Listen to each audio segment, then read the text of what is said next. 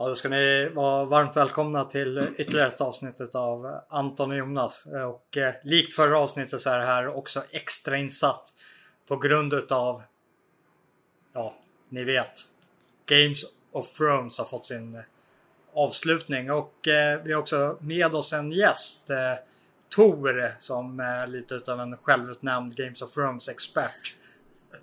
Ja, jag och Tor kommer ha en liten debatt sen mot slutet av, av programmet för han gillade tydligen hur serien slutade medan jag avskydde hur serien slutade i likhet med de flesta andra normala människor. Och samtidigt så, som du älskade serien, hatade Tor serien. Exakt. Så... Det, det är kontrasternas avsnitt den här gången. Vi vet att många eh, Många som lyssnar på programmet är nog också ganska delade. Jag vet att det är många personer på högerkanten som som faktiskt inte gillar Game of Thrones överhuvudtaget av, av olika anledningar samtidigt som det finns andra som kan se ett värde i den. Exakt, exakt. Tor blev helt chockad här när jag sa det. Men eh, ska vi börja i, i änden att uh, Anton får bara dra en uh, övergripande analys och händelserapport över vad, uh, hur du betraktar Game of Thrones? Ja, mer än gärna. Eh, jag, kommer ihåg jag började följa serien 2011 när den precis eh, började sändas efter rekommendation från en, en dåvarande klasskamrat. Och jag blev helt hooked efter första säsongen och beställde snabbt hem de, de fem böckerna då som, som fortfarande är fem böcker eftersom han aldrig har kommit vidare i sitt bokskrivande då. George Martin som är upphovsman. Och eh, Game of Thrones representerar ju, det är en fantasybok men det representerar en lite annan variant än den här klassiska Tolkien och Sagan om ringen fantasyn som, eh, som, jag vet att, som jag vet att många gillar. Eh, Game of Thrones är en mycket mer, mycket mer realistisk eh, jordnära berättelse. Jag, jag, skulle kalla den jag skulle kalla den machiavellisk i mångt och mycket för att den tar upp den typen av teman Alltså den är klassiskt europeisk i form av sin aristokrati. Den här inrikespolitiken som vi känner i Europa. Att eh, de flesta krigen har inte nödvändigtvis varit mellanstatliga utan det har varit liksom mellanbrödliga liksom. Speciellt i kanske Tyskland som inte har varit ett enat rike förrän ja, de senaste hundra åren. Nationer är ju ändå något förhållandevis nytt, även om folk inte är någonting nytt. Men kärnan i Game of Thrones är ju kampen mellan de här olika husen, de här olika adelsfamiljerna som finns där. Och sen riktar sig handlingen in mer specifikt på olika karaktärer som kommer och går och dör och utmönstras ur handlingen och som blir vägvisaren genom det som händer. Och det är någonting annat man kan lägga till att Sagan om ringen är ju en handlingsdriven eh, berättelse att allting handlar om det här stora uppdraget som handlar om ringen och vad som har hänt och uppgiften att föra ringen till Mount Doom där den ska förstöras.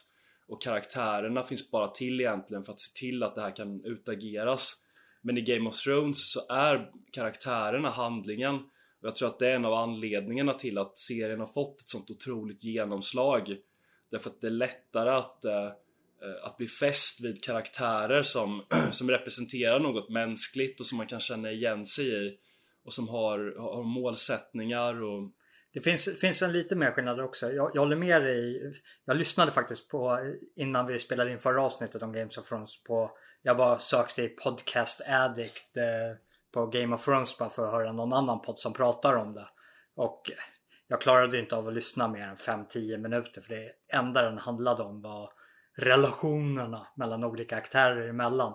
Och det, Game of Thrones är ganska relationsdriven så man kan nästan säga att det är en machiavelliansk berättelse i en faktisk värld. För den är inte lika övernaturlig som världen som, även fast Sagan om ringen också har en europeisk spelplan. Det är inte så långt att säga att det utspelar sig i det europeiska förflutna, ett avstånd från en europeisk kultur även fast det finns övernaturliga inslag.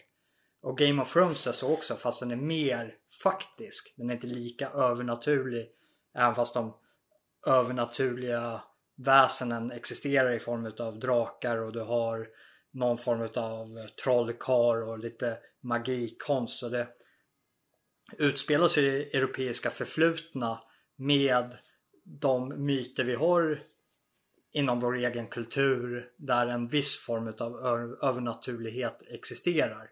Men inte lika fullt ut till den graden som det är i Sagan om ringen. Bara för att nämna en kontrastering däremellan utöver att vara berättelsedriven eller karaktärsdriven. Jag tycker att något som också skiljer Sagan om ringen från Game of Thrones är att eh, Tolkien var egentligen en, eh, vad ska man säga, en mer idealist. Han hade varit i krig, han, eh, han var han såg, han såg det, vad ska man säga, ädla i saker och ting medan Game of Thrones är mera en eh, tjock, incel som sitter på rummet och allting ska vara grått och, och den onda är god och den goda är ond och det blir, eh, man ska ha förståelse för alla och det finns ingenting värt att, att slåss för på något sätt. Det blir... Ja, det är därför du hatar själva, ja. själva serien. Ja, lite grann, lite grann. Speciellt de sista säsongerna som egentligen var... För er som inte känner till Tor så är han en väldigt idealiserande man med ett väldigt, väldigt djup. Ja, jag hör det. Eh, jag, jag håller väl med delvis. Eh, det man kan säga är väl att en anledning till att det blir kanske lite svårt att, att komma in man kan säga om Game of Thrones att den är lite typiskt postmodern i meningen att den saknar Exakt. en stor berättelse som Sagan om ringen har Utan det finns en myriad av små berättelser Men jag känner igen den här kritiken för det är ju mm. den typiska kritiken Exakt. Och jag skulle säga att jag håller med till hälften men, men samtidigt, och vi kan, kanske kan diskutera det lite senare för Game of Thrones har ju en viss början egentligen med de första böckerna och sen Eh, sen vid någon punkt så kunde George Martin inte fortsätta och fortsätta handlingen, han kunde inte skriva fler böcker. Och anledningen till, den, till det är inte svår om man har läst böckerna utan det är för att han han krånglar till handlingen så fruktansvärt mycket i bok 5 att det inte finns några möjligheter att fortsätta den utan han, han målar in sig i ett hörn och kan inte komma vidare. Och det leder till att det är de här Hollywood-producenterna som måste fortsätta att skriva handlingen. Och och när det sker så får man ett visst anslag som, som jag absolut har märkt och som, ja, som jag utan tvekan är kritisk till.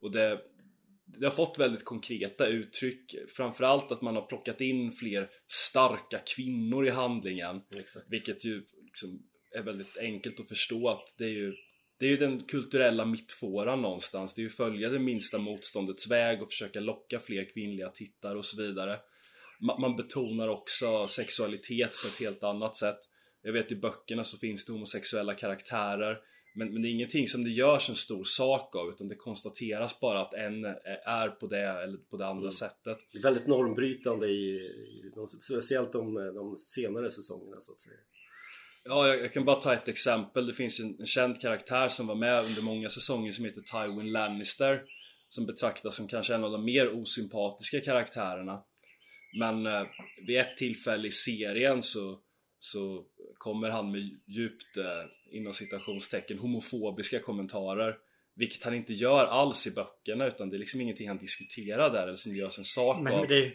det är ju för att vi lever i den tidsandan så får man väl göra någon osympatisk idag och inte bara i litterärt liksom historiskt perspektiv så måste han attackera sånt som man inte får attackera i den nutidskontexten som vi som verkliga människor existerar i.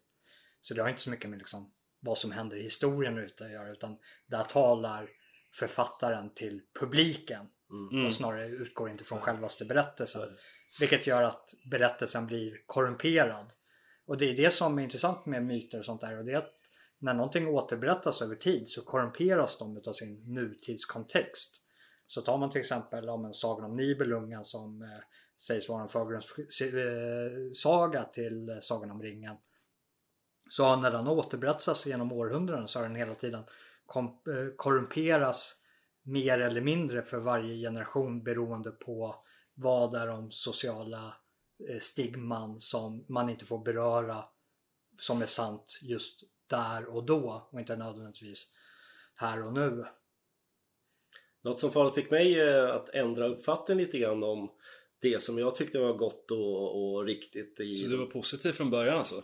Ja, nej, jag var till vissa karaktärer. Det är all, någon som alla hyllar är ju Ned Stark. Den, den, den människan som har han är en slags, vad ska man säga, en Jordan Peterson i, i en slags medeltida värld som bara Svar, som, Det, det Jordan Peterson skulle vilja vara. Exakt. Alter egot. Exakt, det, exakt. det är ouppnåeliga som Ja. eftersträvas. Hjältearketypen som Exakt. du vet att du inte riktigt är men som Ja. du borde vara.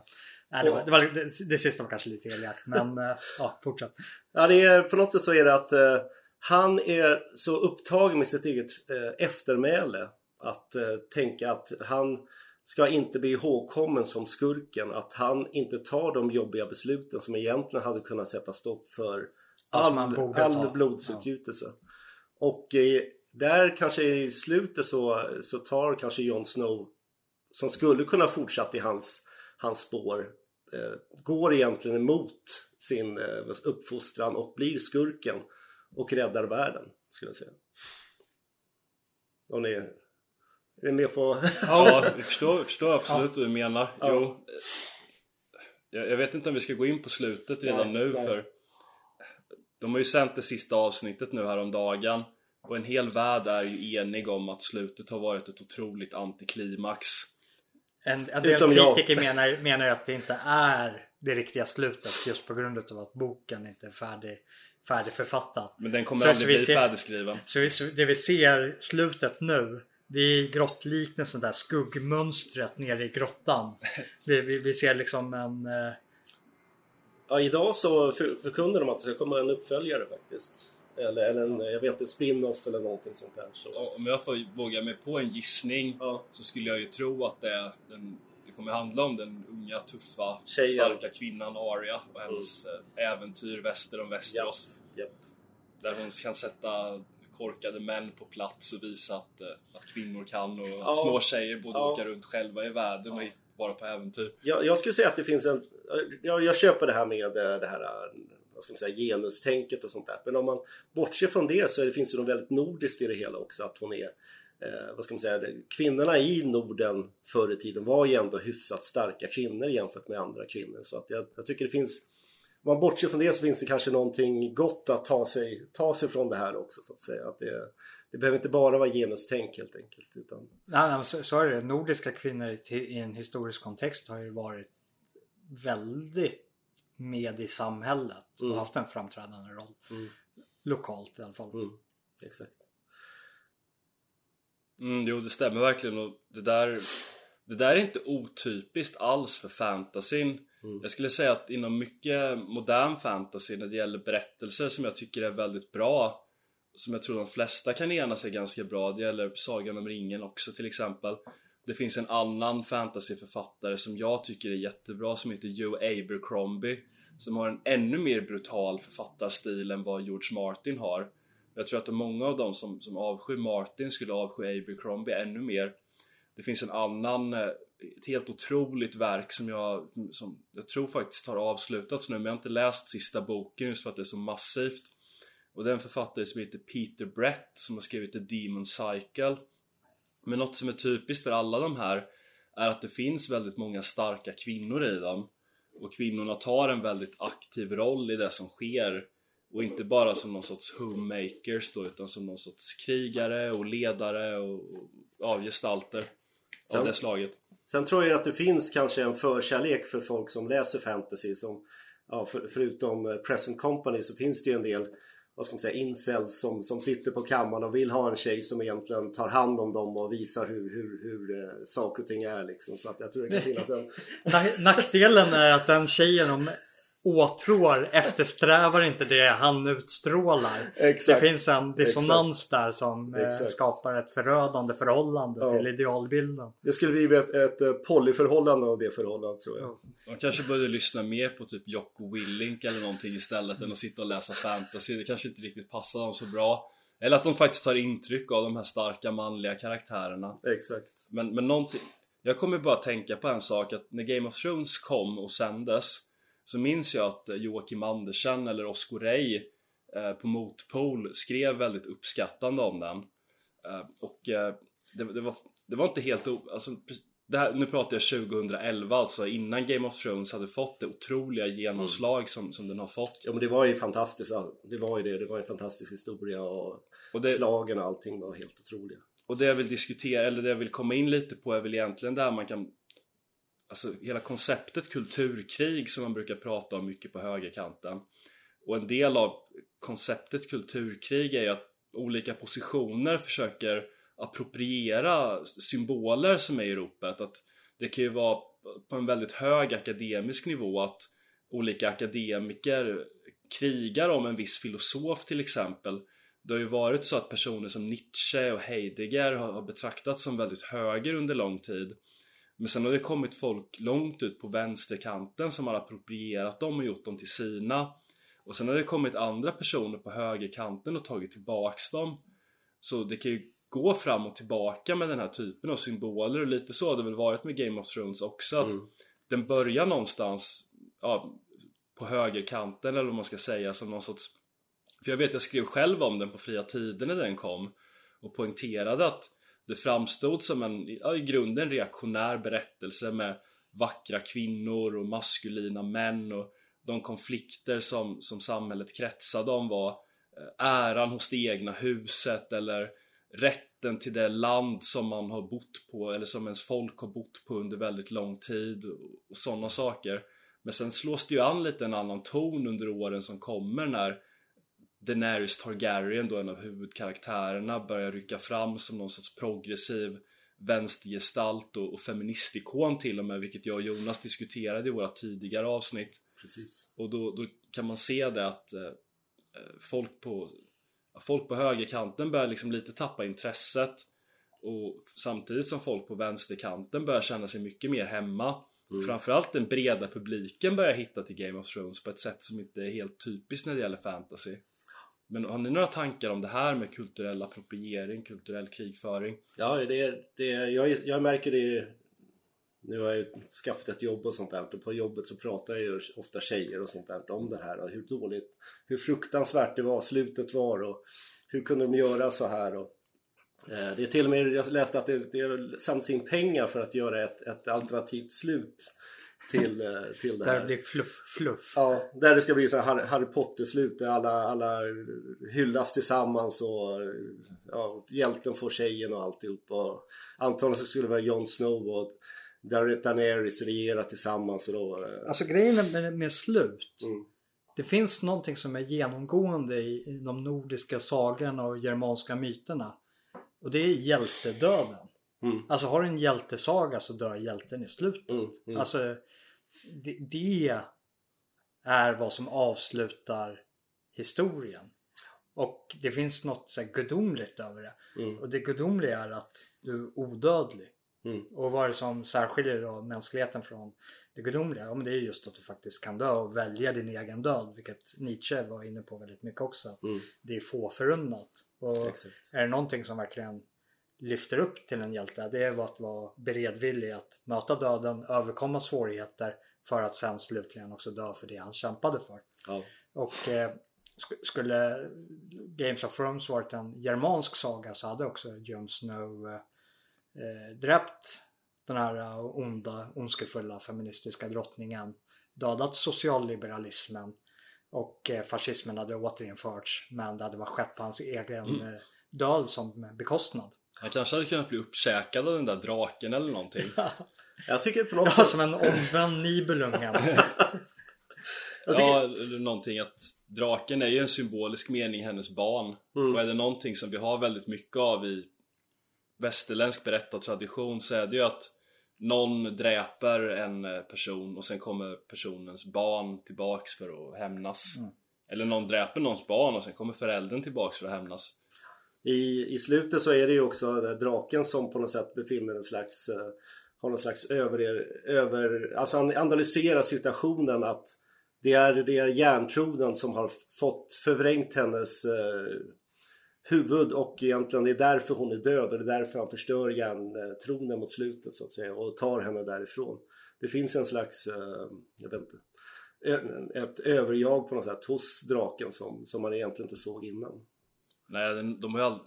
Vi kanske bara skulle dra slutet egentligen. För det känns som vi pratar om men vi har inte riktigt sagt vi, dansar ja, vi, vi, vi, har ju två skilda betraktelser till slutet här. Ja. Jag förhåller mig neutral i det här. Eller det, det gör jag inte. Jag har, jag har en stark bias men jag uttalar inte vart den ligger än. men fall, fall eh, Anton börjar med att eh, bara ta sig igenom händelseförloppet och sin betraktelse till händelseförloppet så kan Torsan gå i eh, svarsmål. Ja, det, det som händer är ju, jag ska inte bli långrandig men uh, Daenerys Targaryen går full neokon och förklarar att hon uh, ska uh, skicka ut sina trupper över hela världen för att befria de förtryckta. Det, var, det, var, det lät verkligen som att lyssna på någon riktigt salig i anden, neokonservativ amerikan där åren runt Irakkriget typ. Eh, och uh, Jon Snow Det finns en, förlåt att jag avbryter, men det finns en rolig mem i det här avseendet. Och eh, de flesta av våra lyssnare tillhör ju mem-generationen. Och det är, de som har följt serien vet ju att Daenerys Targaryen började som den här bojornas eh, frigörare, alltså jämlikhet och, och sen så är den Ja, det är första bilden. Andra bilden är att de här frihetsbomberna släpps. När någon sveper över med draken där i Kings Landing. Ja. Det blev verkligen en klockren analogi för, för USA Ja, på något sätt. Väldigt- blev, ja, speciellt när du var inne på ni, Jag tycker det finns en, en likhet med EU också egentligen i att här har hon eh, dragit in de här eh, vad ska man säga, asiaterna i, i, eh, i, i Europa förstört en, en stor civilisation och det är inte nog. Nu, nu, nu måste hon förstöra Ungern och Polen och, och alla som egentligen motsätter sig hennes värdegrund. Ja, fortsätt förlåt, nu, nu var jag inne och... Ja, ingen fara alls. Eh, nej men eh, efter eh, de Winston Churchillska terrorbombningarna mot Kings Landing som inte står Dresden efter så, så kommer de fram till att de kan ju inte ha kvar den här galna kärringen utan Jon Snow tar sitt svärd och dödar henne ganska tidigt i avsnittet och eh, hennes drake smälter ner den här Iron Throne som alla har kämpat om nu i åtta år och tar Daenerys kropp och flyger iväg med henne. Och efter det så blir det en massa tjafs och eh, ja, de, de, de samlade som finns kvar av de här adelshusen eh, kommer fram till att av någon anledning att Jon Snow inte kan vara kvar utan han måste gå i exil. Och sen kliver Tyrion Lannister fram eh, som har varit med under hela serien eh, och kommer med ett helt sinnessjukt, om ni ursäktar uttrycket, resonemang om att eh, Bran, ni minns den här rullstolsbundne pojken, Bro- broken. Broken Bran, Ja. ska bli kung för att han har en så intressant berättelse.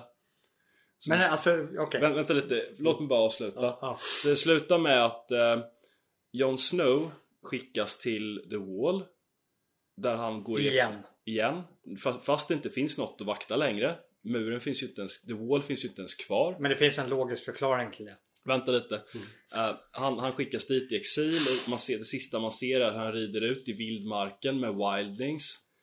Uh, Bran blir kung. Tyrion och ett gäng andra kommer att ingå i hans råd. Daenerys är död som sagt. Uh, Arya seglar iväg väst, väster om Westeros Sansa blir Queen of the North vilket också blir en De, de genomför en secession en, eh, Ja, men själv, utropar självständighet. Exakt. de inser att de inte vill vara del av det här längre. Eh, Och eh, jag, jag kommer inte ihåg exakt Gr- Grey Worm och de här Unsullied och alla de här asiaterna seglar tillbaka och försvinner från Westeros. För de hör inte hemma i den, Europa. Det vände, jag De- mig, de- det de- vände jag mig inte emot Nej, jag de- de den punkten som jag inte är kritisk till Ja men det, det är väl det liksom. Och jag måste bara alltså, som sammanfattande omdöme Det är en sån besvikelse. Och jag har absolut ingenting emot tragiska slut. Om det var så att alla bara hade dött så hade jag inte sagt någonting om det. Men det, det, så- det jag inte gillar är när saker och ting inte hänger samman Och när någonting byggs upp och byggs upp och byggs upp För att sedan bara sluta i total meningslöshet Välkommen till livet. Alltså är det någonting som symboliserar liv i, bred bemärkelse så har det det där. Vilket gör att den här historien kommer återberättas i generationer. Välkommen till meningslösheten. Okej, Tor, ta hem där. Jag, jag kände efter att ha sett det här så kände det som att det, det är en, en av våra som har satt sig där och, och eh, Brand the Broken. då. Ja, nej, nej, nej, som har skrivit sist, de sista två avsnitten eller kanske hela, hela, hela sista säsongen då, eller i alla fall de sista två avsnitten. Och då, då är det dels så, när vi tittar på Daenerys så är det som jag sa där, det är, hon, har, hon har nu tagit in de här främlingarna i Europa. Eh, hon har beslutat då att eh, ge sig på alla andra eh, och eh, när då eh, Jon Snow tar och pratar med henne och, och, och försöker övertala henne då säger och frågar vad är, vad, vad är det som gör att din värdegrund är bättre än alla andras? Jo, det är, det är de, they don't get to choose. Det är hon som väljer värdegrunden och alla andra ska bara finnas i det eller gå under. Och då kunde ju han Jon Snow kunde egentligen följt i sin fars spår. Eh, egentligen förstås eh, diskuterat och försökt rådgöra henne och sånt där. Men han valde han, han skulle kunna fortsätta älska henne och han skulle, allting skulle varit fantastiskt. Han skulle sett världen gå under men, han, men eh, han skulle egentligen inte göra någonting fel. Nu valde han att gå emot sin, den trohet som han har gjort och det är lite grann påminner ju det om eh, Jamie Lannister som var en Kingslayer då. Är att eh, han, han bröt mot alla, alla eder han hade givit. Han blev, valde att bli skurken för att rädda världen. Och då kan man ju sitta på efteråt att ja men det är såklart han ska bli kung här nu för han har ju förtjänat det. Men har det egentligen att göra med vem som förtjänade att vara kung eller har det att göra med vem som är bäst lämpad för det? Och fanns han det... är bäst lämpad. Ja, nej jag tror inte det. Eh, och det finns också en, en extrem stor ära i att utföra ärorika saker och inte bli belönad för det. Att det blir, det blir en, det är en slags eh, kanske till och med är det en, en kristendom i det hela men det, är, det finns en, en slags eh, tempelriddarkristendom eller, eller Kodriano i Rumänien eller något sånt där som blir en slags eh, han väljer att bära sitt ok och han gör det egentligen med, med en inre stolthet och var blev egentligen hatad av alla för att han gjorde det här eh, medans Ned Stark var egentligen eh, alla ser ju upp till honom. Alltså, han dog, han dog med heden i behåll och allting sånt där. Men allting han, vad han egentligen gjorde när han dog för sin heder var att döma en hel värld till ja, förintelse kan man säga. Eh, så att det, han, man ska säga lite grann att Jon Snow blev lite grann som eh, i Capricorn One, eh, Colonel Kurtz som eh, valde den att begå hemska handlingar egentligen för att rädda rädda världen. Eh, så på det sättet tycker jag det. och förpassningen där var ju var, var gjutet. Det var, det var verkligen en ära i, i det han gjorde. Eh, sen finns det ju också det här, eh, ni har tagit upp det här tidigare, Habamal det här med att eh, dom över död man. Och det är det är någonting att du håller med om egentligen att, att det här eh, det, är, det är omgivningens dom över dig som, som definierar dig. Egentligen är det bara du själv som vet vad som driver dig, varför du handlar på vissa sätt eller inte. Så att eh, genom att göra det här så kanske han blev dömd av omgivningen men han gjorde ju ändå någonting fantastiskt. Så där tycker jag det fanns, det är någonting jag skulle förut tänkte att det kanske är någonting typiskt europeiskt över det hela men sen så tänkte jag det finns ju folk i Asien som gjort likadant. Eh, den här generalen i Korea som räddade Korea om och om igen och han blev störtad han blev torterad av, av kejsaren och, och, sen så när japanerna kom dit igen då skickade de in honom, han fick rädda dem från landet. Och sen slutar det med att han blir fängslad och torterad igen och sånt där. Det finns ändå en, en, en eh, otrolig heder i att, att bete sig på det sättet även när du inte, när du vet att du inte kommer bli belönad. Och liberaler tror jag inte riktigt förstår den. De har ju det här homo economicus egentligen att, att eh, det, det du sätter in ska du, det, det, den risk och det arbete du sätter in ska vara i förhållande till den belöning du får. Det här är ju en... en... Ja, det, det är ju där någonstans det blir en extrem syntax error. Ja. När eh, de inte ser Jon Snow på tronen efter. Exakt. Utan han måste börja om sitt liv liksom ja. annorstädes. Exakt. Att det är liksom... Ja, så jag tycker det var... Det tyckte jag var helt otroligt ja. faktiskt. Det var, det var någonting fantastiskt. Och sen... Eh, när de utsåg, de hade den här processen då de skulle utse eh, kungen då över det här och då kom ju den här uh...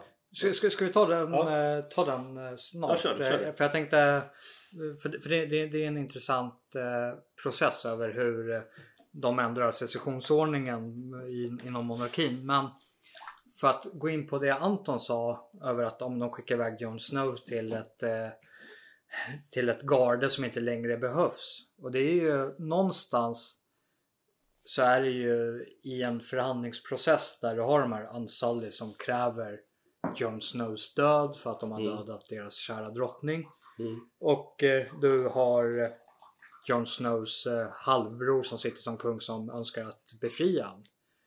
Och då möts de någonstans i en kompromiss som ingen egentligen är nöjd med men som de finner tillräckligt acceptabel för att inte börja kriga med varandra. Och den kompromissen är egentligen en landsförvisning. Men det kan vara så att Ansalus inte hade gått med på en uttalad landsförvisning.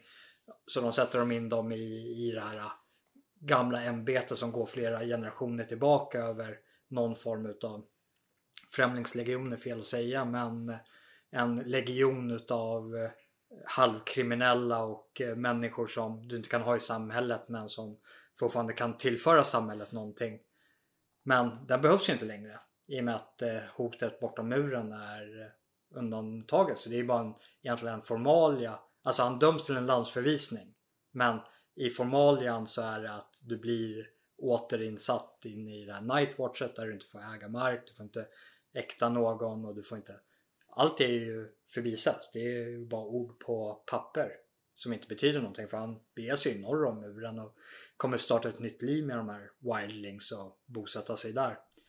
Så, så det, det finns ju en rationalitet i att de måste säga i storyn över att du ska det här är ditt straff och det är till dina döddagar ska du säkra riket för alla andra levande. Men som, som du var inne på att det, det är ju en förlegad syssla på grund av att hotet redan är avlägsnat. Det är som att ge någon ett jobb som inte behövs längre, som har blivit bortrationaliserat. Jo, men det, men, och tekniska processer. Ja men exakt. Du får jobbet på grund av att du måste på pappret få det här jobbet för annars så blir, blir det krig. Och sen fall du upp, utför jobbet eller inte är egentligen helt ointressant. Jon Snow utför ju inte det här jobbet som han blev satt utav sin kung att göra, Brandybroken, utan han valde ju att eh, första dagen han kommer till arbetsplatsen att eh, lämna arbetsplatsen och gå och göra andra saker. Alltså jag tycker det, det är bra läsningar men samtidigt så Någonting som jag skulle vilja kontra med i så fall Det är ju vad man kan kalla berättelsens interna logik och Det handlar ju om att alltså, Jon Snow är ju Han är ju en Targaryen faktiskt Mm. Och Targaryens har ju dödat varandra i alla generationer Liksom under alla år som de har styrt det här fiktiva riket Och det blir Varför skulle just han gå i exil? Egentligen när han gör någonting som alla andra har gjort. Alltså han krigar om tronen. Ja men det, det är ju på grund utav maktbasen. Att eh, det är... Ansalid seglar ju iväg och försvinner. Ja, De men är det är- inte ens där längre. Men det är ju först efter att Jon Snow har blivit förvisad. Mm. Hade han inte blivit förvisad så hade Ansalus inte seglat iväg. Ja, då hade det blivit krig. Ja, Mm. så det du är inne på är då i sådana fall att det är ett spel för eh, gallerierna att de säger till Ansalus nej men vi skickar iväg Jon Snow till den här eh, Nightwatch och sen när Ansalus har seglat iväg så får Jon Snow komma tillbaka och träda på tronen. Det, det skulle i sådana fall vara liksom. Mm. Men det skulle också vara Ja, nu, höll jag på att säga, säga ett eh, folkligt ord som anspelar på någon form av lurendrejeri men det, det hade varit, varit liksom fullspel. Jag tycker det hade varit bättre om de hade tagit den konflikten i så fall. För det finns någonting Men- men- också. men de, har byggt, de har byggt upp Jon Snows öde i åtta år nu, i åtta Mm. säsonger. Mm. Och de har byggt upp honom som den här perfekta personen som borde sitta på tronen. Mm. Alltså, han har varit med om en, mm, Han har ju varit en av de intressantaste karaktärerna som har varit med om absolut mest under hela Ja. tiden. Men lärde han sig någonting? Han blev ju duperad av henne. Han, blev- han blev ju, vad ska man säga, det var kuken som tänkte på honom egentligen. Ja, apropå, har- apropå det ja, ordet, för ja. det var lite det jag tänkte Ja. på när du började prata. Det är så här, du, du har den här tjejen som du har målat upp och som du tycker, ja men henne ska jag få. Är det du som har henne? Mm. Ja, kanske. Kanske. Du, du säger det på grund av lyssnarna. Eller liksom en, en lyssnare. Nej, Men-. Men får vi bortse från henne som lyssnar. Så den bruden är det någon annan som har. Och det är liksom fallet för 99 av 100 män. Det är liksom och eh, Games of Thrones förtäljer det för för vi ska fortsätta in på den liknelsen med att Jon Snow får inte tronen, tough luck. Mm. Han Ja. kommer få en annan tron i, i Wildling-samhället. Ja men ni ser liksom inga problem rent berättartekniskt med att man bygg, under åtta år bygger upp någonting Bygger upp den här perfekta personen som borde sitta på tronen Eller man har egentligen två personer som skulle sitta på tronen Det är ju antingen Daenerys eller Jon Snow Men ja, det blir uppenbarligen inte Daenerys då eftersom hon blir genomborrad av ett svärd Men, Men- men- men, men- vänta, vänta lite Mm, mm. Men istället för att ta den här perfekta personen som borde sitta där och fullfölja sitt öde Mm. Så tar man in den, den mest ointressanta karaktären, det vill säga Bran Som, Okej, har, kom- ägnat, två som har ägnat åtta år åt att göra exakt ingenting överhuvudtaget är Ja, så det, det är kanske därför, det är kanske därför han blir satt där. Men stabilitet varar inte. Det här är inte historiens slut på samma sätt som att vi inte lever i historiens slut. Utan stabilitet varar max en halv generation upp till en generation. Så Ja. den stabiliteten som införs för stunden är ju bara ett tillfälligt avbrott i historien. Jag skulle säga snarare att, att eh, han, är, han var den mest lämpade. Om, om vi tittar bak på Jon Snow då så är det Jo, han har varit med om mycket. Eh, egentligen hade han inte lärt sig mycket utan han, han, eh, han springer iväg minsta vink, hans känslor. Fast Eller- han gjorde ju inte det. I slutet gjorde han ju det som Nej, var I rätt slutet ändå. gjorde han vad som var rätt. Ja, Ja. men, det var, det, men allting annat han har gjort det är egentligen allting har blivit byggt på känslor. Det var känslor för den här tjejen Mm. som är sprang omkring och dödade massa folk i den här rödhåriga tjejen som dödade Ja, en han, massa... han är väldigt känslostyrd. Ja, det var en ganska vacker romans. Den, Ja. den romansen Ja. var bättre än Daenerys. Fast i grunden så gjorde, fast i slutet så gjorde han ju det som var rätt även där och kom tillbaka till Night's Watch och kämpade mot Wildings. Jo, jo, men det kom ju till... Eh, Men han, han, ja men hon den här, i, ja, om jag kommer ihåg rätt i slaget där, den rödhåriga. Så Men vänta, får, får, får jag flika in här bara? Innan, innan, för vi är på det ämnet. Anledningen att Bran blir vald till kung är för att ett, ett rike existerar över tid i stabilitet för att sen luckras upp och in i ett ka- kaotiskt stadie med i det här fallet enorma mängder utav inbördeskrig där flera aristokratiska familjer aspirerar på tronen under en ganska lång tidsperiod. Alltså, och krig slutar, för jag ska gå in på Martin van Crevells teoribildning. De slutar först när män är trötta på att kriga. Och det är lite sånt stadie vi träder in i här. Det kan finnas att ja, men, vissa delar av aristokratin fortfarande aspirerar på tronen. Men befolkningen är krigstrött.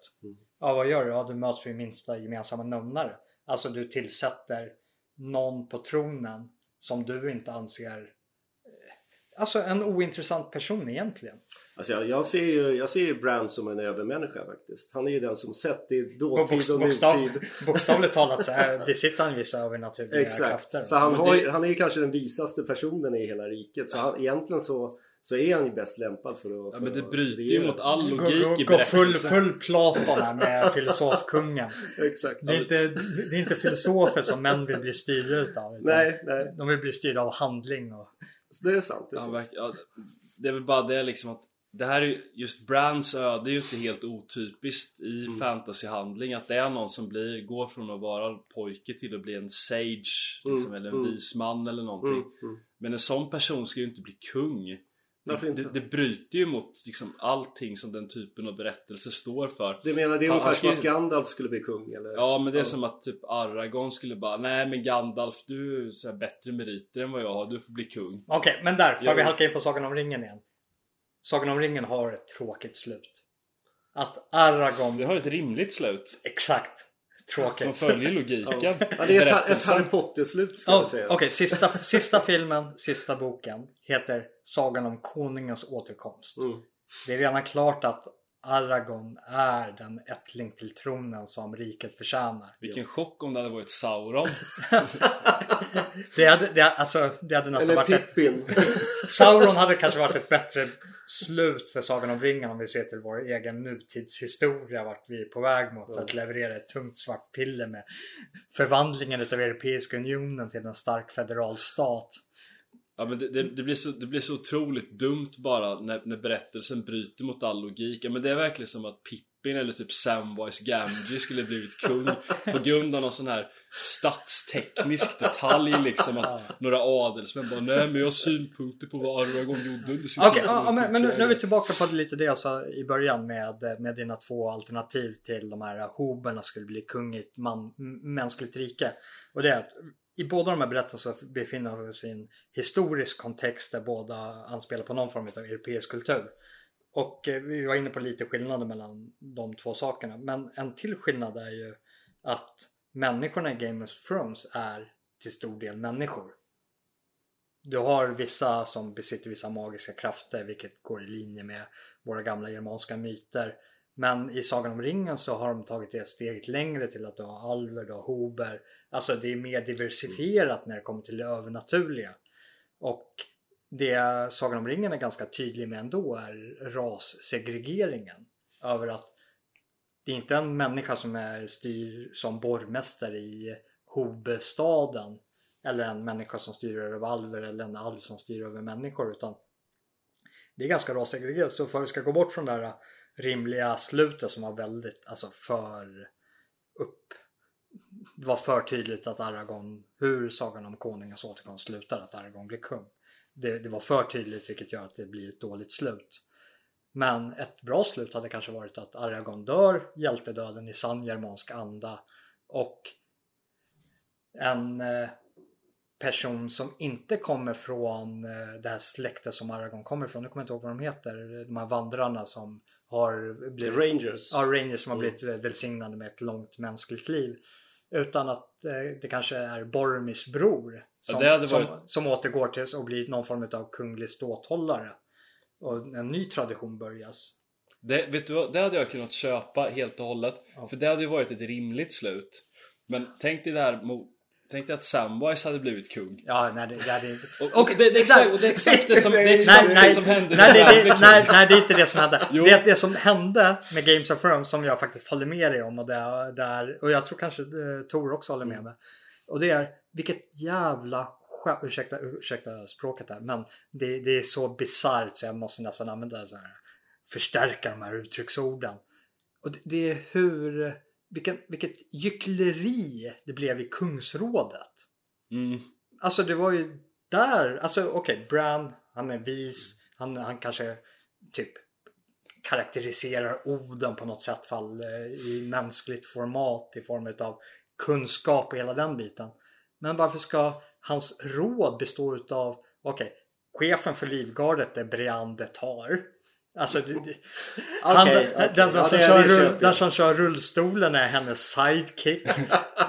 Så vilket typ är eh, Ja. Games of Thrones Samwise Gamgee. Ja. Samwise Gamgee är alltså förste livvakt till kungen. Ja, Och sen så har du någon riktig bordellköpare ja det. Ja. som är Ron. eh, finansmästare. Nihilisten. Ja. Men det, det tyckte Ja, den, den köper jag helt och hållet. För Fast var det riktigt tyckte jag var bra. Det var ändå så här i linje med så här, allt vad serien handlar om. Men det handlar någonstans om att, vet du vad jag hade kunnat köpa? Jag hade kunnat köpa att Daenerys och Jon Snow hade haft någon sån här episk Dance of the Dragon strid liksom. Någon Aha, sista jag tror jag Targaryen- skulle säga så här. Dance Targaryen. in the rain, alltså någon sån här romantisk Nej, uppslutning. Verkligen inte. En sista sexingen som saknades innan det.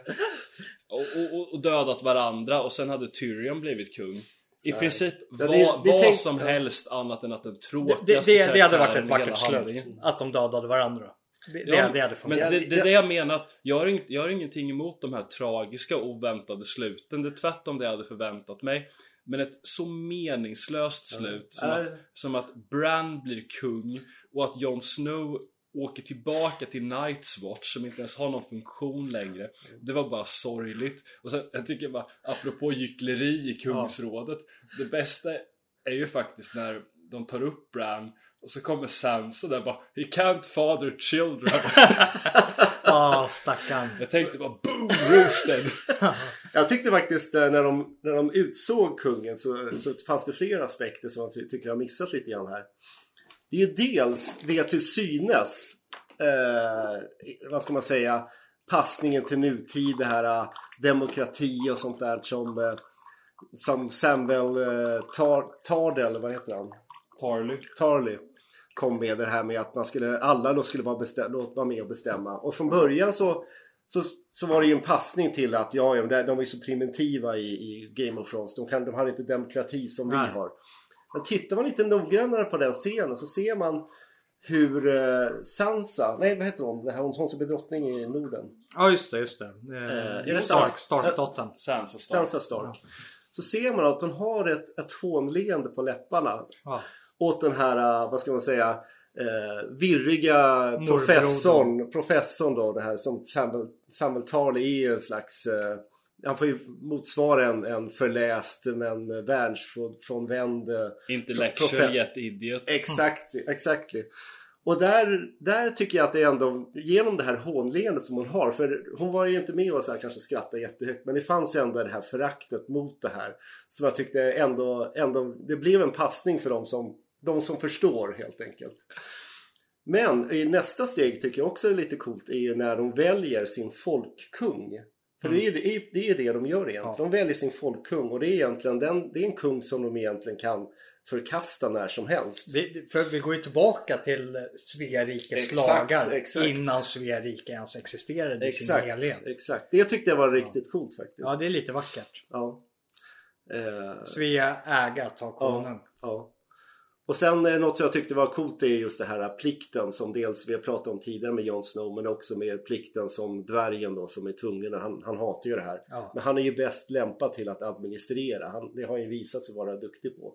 Och han är, han är ganska okorrumperad om man säger så. Han har, han har, fått, han har fått varit med sina horor och tjänat så mycket pengar så han behöver inte eh, leva på som den här Han har ju alltid varit en av de Kanske faktiskt den bästa karaktären egentligen Exakt. När det just kommer till temperament och personlighet och sånt Ja, där ja. För som vi, nu har vi pratat om slutet en stund men jag vet, eh, jag tror det var på något identitär idé eller någonting för, för flera år sedan där det var någon som sa att eh, man ska absolut inte sitta och kolla på Game of Thrones utan man ska sitta och läsa Shakespeare istället.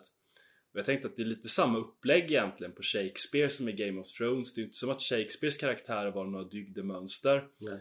Men, men jag vet, en av mina absoluta Shakespeare-favoriter är ju Macbeth. Och Macbeth som person är ju vidrig. Hans fru är ännu vidrigare. Och de är ändå huvudkaraktärer. Mm. Men den absolut bästa karaktären i Game of Thrones som alltid har varit den mest sympatiska, det har ju faktiskt alltid varit Tyrion. Mm. Även om han är den som har härjat mest han är alltid full och han har alltid Alltid någon någon, någon prostituerad vid sin sida så har han ändå alltid varit den absolut trevligaste och mest sympatiska. Jag tror, jag tror som, som jag vet inte, så gammal högerperson så, så kan man känna igen sig lite grann i att man har egentligen en, en kanske en sund samhällssyn men sen i, i ett samhälle som, som det här så måste man bli lite nihilist. Man, man, är, man får ju leva i det här clownsamhället egentligen där man, man får skratta åt saker och ting man får liksom bara leva med för att kunna överleva i det här. Eh, det är svårt att leva vad ska man säga, plikten och ärans väg i, i, ett land som, eller i, i västvärlden då. Och då kanske han är en sån som man kan identifiera sig med att ja, ja, åt det hell liksom. Bli, bli full, hora runt men du har fortfarande en god syn där bakom om man säger så. Då. Eh, Känner ni igen vad jag menar eller? Nej. Nej. Jag, jag, tar avstånd aktivt Nej jag, jag pratar inte om horeriet, jag pratar om men full kan vi alltid vara. Ja, nej men att man blir kanske nihilist lite grann i, i sitt, sitt sätt att eh, copa med vansinnet i, i västvärlden. Jo, det är ju, Ja. det är ju en förutsättning för Ja. att kunna kliva upp på morgonen. Ja, exakt, exakt.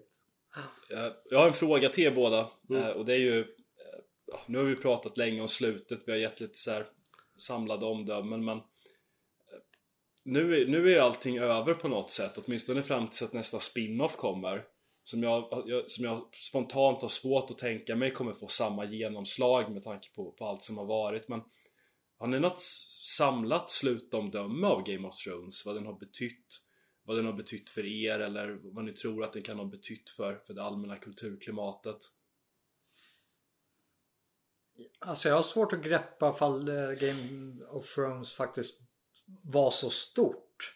Alltså jag upplevde Sagan om ringen som ett större kulturellt genomslag över Över årtionden ja. Ja, Men Game of Thrones eh, vad ska man säga, genomslag i, i, under en kort tidsrymd tror jag är, är större än Sagan om ringen. ja för, för Sagan om ringen var ju också tydligare när det kommer till eh, dels vissa aspekter till, ja men som vi var inne på lite tidigare över att det var väldigt segregerat. Mm. Eh, och där har man ju också de här ostlingarna och sydlingarna som, som de här olika mänskliga, mä, mänskliga sorterna. Och där, där fick de ju bära väldigt mycket kritik samtidigt som de, att, ja, men, de hade kanske några kvin starka kvinnliga karaktärer men de rörde sig fortfarande väldigt mycket i en parallell linje med männen. Mm. Så den var inte lika Den berättelsen var inte lika korrumperad som Mm. Game of Thrones var. Och desto mer korrumperat någon blir desto mer existerar det just nu. Mm. Vilket gör att, ja men som, som Du du, har sa. inga eviga, eviga värden. Nej det exakt. Ja. Och, och det gör att vi pratar om Game of Thrones nu. Anledningen Mm. till att vi pratar om Game of Thrones nu är för att det är aktuellt nu. Mm. Vi kan prata om Sagan om ringen om 20 år. ja, om hundra år. Om 100 år. Men Vi Game kommer Thrones- inte prata om Game of Thrones Nej. om 100 år. Game of Thrones storheter tror jag inte bara var den här karaktären utan- det var- ju de här eh, slagen och alltihopa. Att det fanns en... eh, eh, Det var lite häftigt. Battle of the Bastards och sådana saker. Det var ju, det var ju lite grann som, som att se Sagan om ringen-slagen om man säger så. Eh, Så att jag... Ja, jag vet inte. Jag fann... Jag, fann, eh, jag finner inte någonting evigt i Game of Thrones. Det gör jag inte. Jag tror det hade varit lite annorlunda om, om Martin inte hade slarvat bort hela berättelsen utan faktiskt skrivit klart den.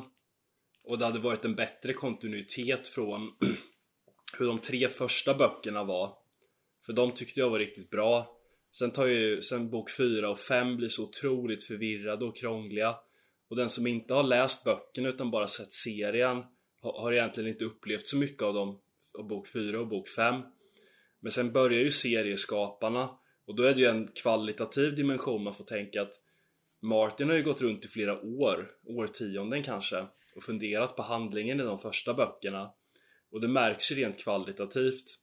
Men de ska ha klurat ut en handling på bara ett par månader för att kunna fortsätta serieproduktionen. Och det märks ju på kvaliteten. Och det var som du sa från ett ganska liksom ihoptrasslat sista bok. Ja, otroligt ihoptrasslat. Så ja, jag, jag tror att och, då blir det någonstans Det blir en kvalitativ skillnad på, på en författare som kan gå och fundera på någonting i flera år Kontra då producenter som ju egentligen inte är historieberättare när allt kommer omkring utan mer de som liksom ska få allt att funka rent praktiskt Mm som ska försöka komma på saker. Och det har märkts att även om jag tycker att vissa saker har blivit bättre just för att man har liksom rätat ut allting som var krokigt och liksom märkligt men det har ju mer varit ett redaktörsansvar än ett berättaransvar. Men sen har det alltid varit det här att man har, man, man har skrivit om karaktärer för att man har velat ha starka kvinnor. Man har börjat tjata om sexualpolitiska frågor trots att det inte har haft någon plats i böckerna och, och, och sen, ja man kan ju tycka vad man vill om slutet liksom Men jag är fortfarande missnöjd trots att jag har hört era argument Ja, Okej, ja, vi- ja, okej, vänta. sista Ja. om det här eh, Tor får ta sista avslutande ordet för du är klar Anton. Ja, vi låter gästen avsluta Ja, du får ro hem där. Jag tycker det finns, vi har missat eh, en aspekt i just de sista, sista Gör scenen. en ny konversationsöppnare. Det, det är Det är egentligen, en timme till där. det är, eh, man, det är de knyts ihop dels när Jon Snow drar till eh, det norr och sen så är det typ när hon eh, eh, drottningen av Norden klär på sig. Det är väldigt sådär traditionellt med, man ser alla detaljer i hennes kläder och allting. Hon går och möter de här eh, vad ska man säga, oregeliga nor- nordmännen med sina svärd som står upp. De hade lika gärna kunnat, om de ville, skulle de kunna hugga huvudet av henne med de här svärden. Men de visade henne sin trohet istället. Att det var, det var som att de hade valt sin, eh, jäm, jä, sin jämlike till, till drottning. Och sen eh, också som jag tycker också är, är lite... Ja men att Norden återfick sin frihet och självständighet. exakt. Och inte på grund utav Ja men det är fel ord för de Ja. återfick inte det. Nej, det var, det var de inte något- återtog den. Exakt, Ja. det var ingenting som gavs dem utav kungatronen utan Ja. Och eh, sen också tycker jag, okej nu, nu vart det lite feministiskt att det var tjejen som drog iväg. Men det är ju också lite grann eh, det europeiska att ut och utforska nya världar eh, och kanske också någonting som, som vad vikingarna gjorde. Med, och sen med det här varghuvudet som var lite stolt på skeppet och sånt där. Det fanns en, jag tyckte det fanns någonting vackert i det hela. Man bortser från det här genustänket i det hela. Om ni förstår vad jag menar. Ja men absolut. Nej jag håller med. Det gör, Anton. Det gör inte Anton. Även fast han nickar. Jag orkar inte öppna en till konversation. Alright. Tack, ja. tack för att ni har lyssnat. Ja, tack och, Tor för eh, att du var med. Ja, Men du får, du får aldrig komma tillbaka igen. och eh, vill ni stödja podcasten så kan ni göra det på swishnummer 076 58 04 607. Och märk betalningen med Anton och Jonas. Tack för denna gång. Tack så mycket. Tack.